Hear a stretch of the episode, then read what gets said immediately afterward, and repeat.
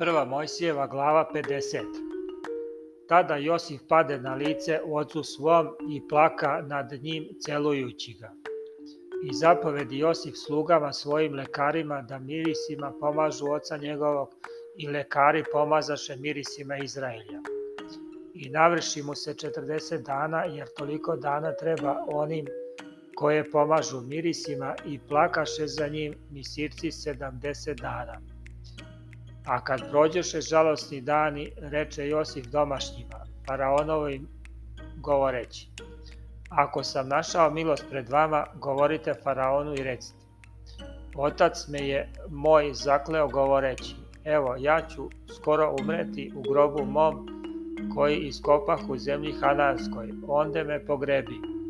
Pa sad da, da idem da pogrebem oca svog, a posle ću opet doći.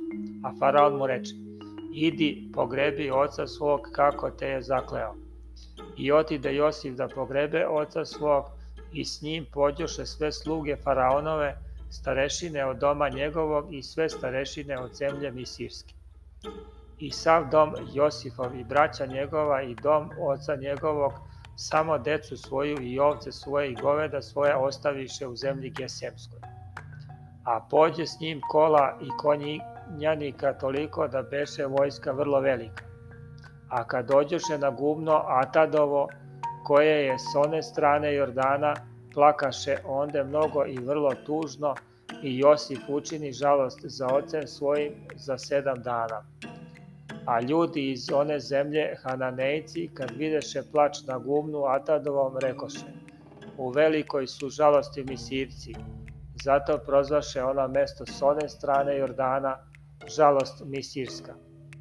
I učiniše mu sinovi njegovi kako im beše zapovedio. Odnesoše ga sinovi njegovi u zemlju Hanansku i pogreboše ga u pećini na njivi Makpelskoj, koju kupi Avram da ima svoj grom, grob u Efrona Hetejna prema Mamriji. I pogrebavši oca svog, vrati se Josif u Misir i braća njegova i svi koji behu izašli s njim da pogrebu oca njegovog. A braća Josifova videći gde im otac umre, rekoše, može biti da se Josif srdi na nas, pa će nam se osvetiti za sve zlo što mu učinismo.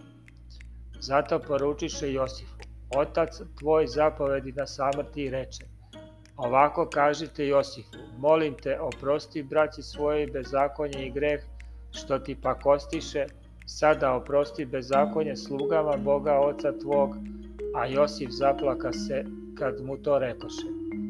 Posle dođoše i braća njegova i padoše pred njim i rekoše, evo smo sluge tvoje, a Josif im reče, ne bojite se, zar sam ja mesto Boga? Vi ste mislili zlo po ome, ali je Bog mislio dobro da učini što se danas biva, da se sačuva u životu mnogi narod. Ne bojte se dakle, ja ću hraniti vas i vašu decu, tako ih uteši i oslobodi. Tako življaše Josif u Misiru s domom oca svog i požive 110 godina. I vide Josif sinove Jefremove do treće kolena i sinovi Mahira, sina Manasijinog, rodiše se i odrastoše na kolenima Josifovim. I reče Josif braći svojoj, ja ću skoro umreti, ali će vas zacelo Bog pohoditi i izvešće vas iz ove zemlje u zemlju za koju je se zakleo Avramu, Isaku i Jakovu.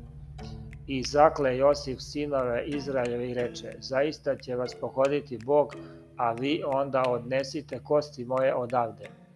Potom umre Josif, a beše mu 110 godina i pomazavši ga mirisima, metnuše ga u kovčeg u Misiru.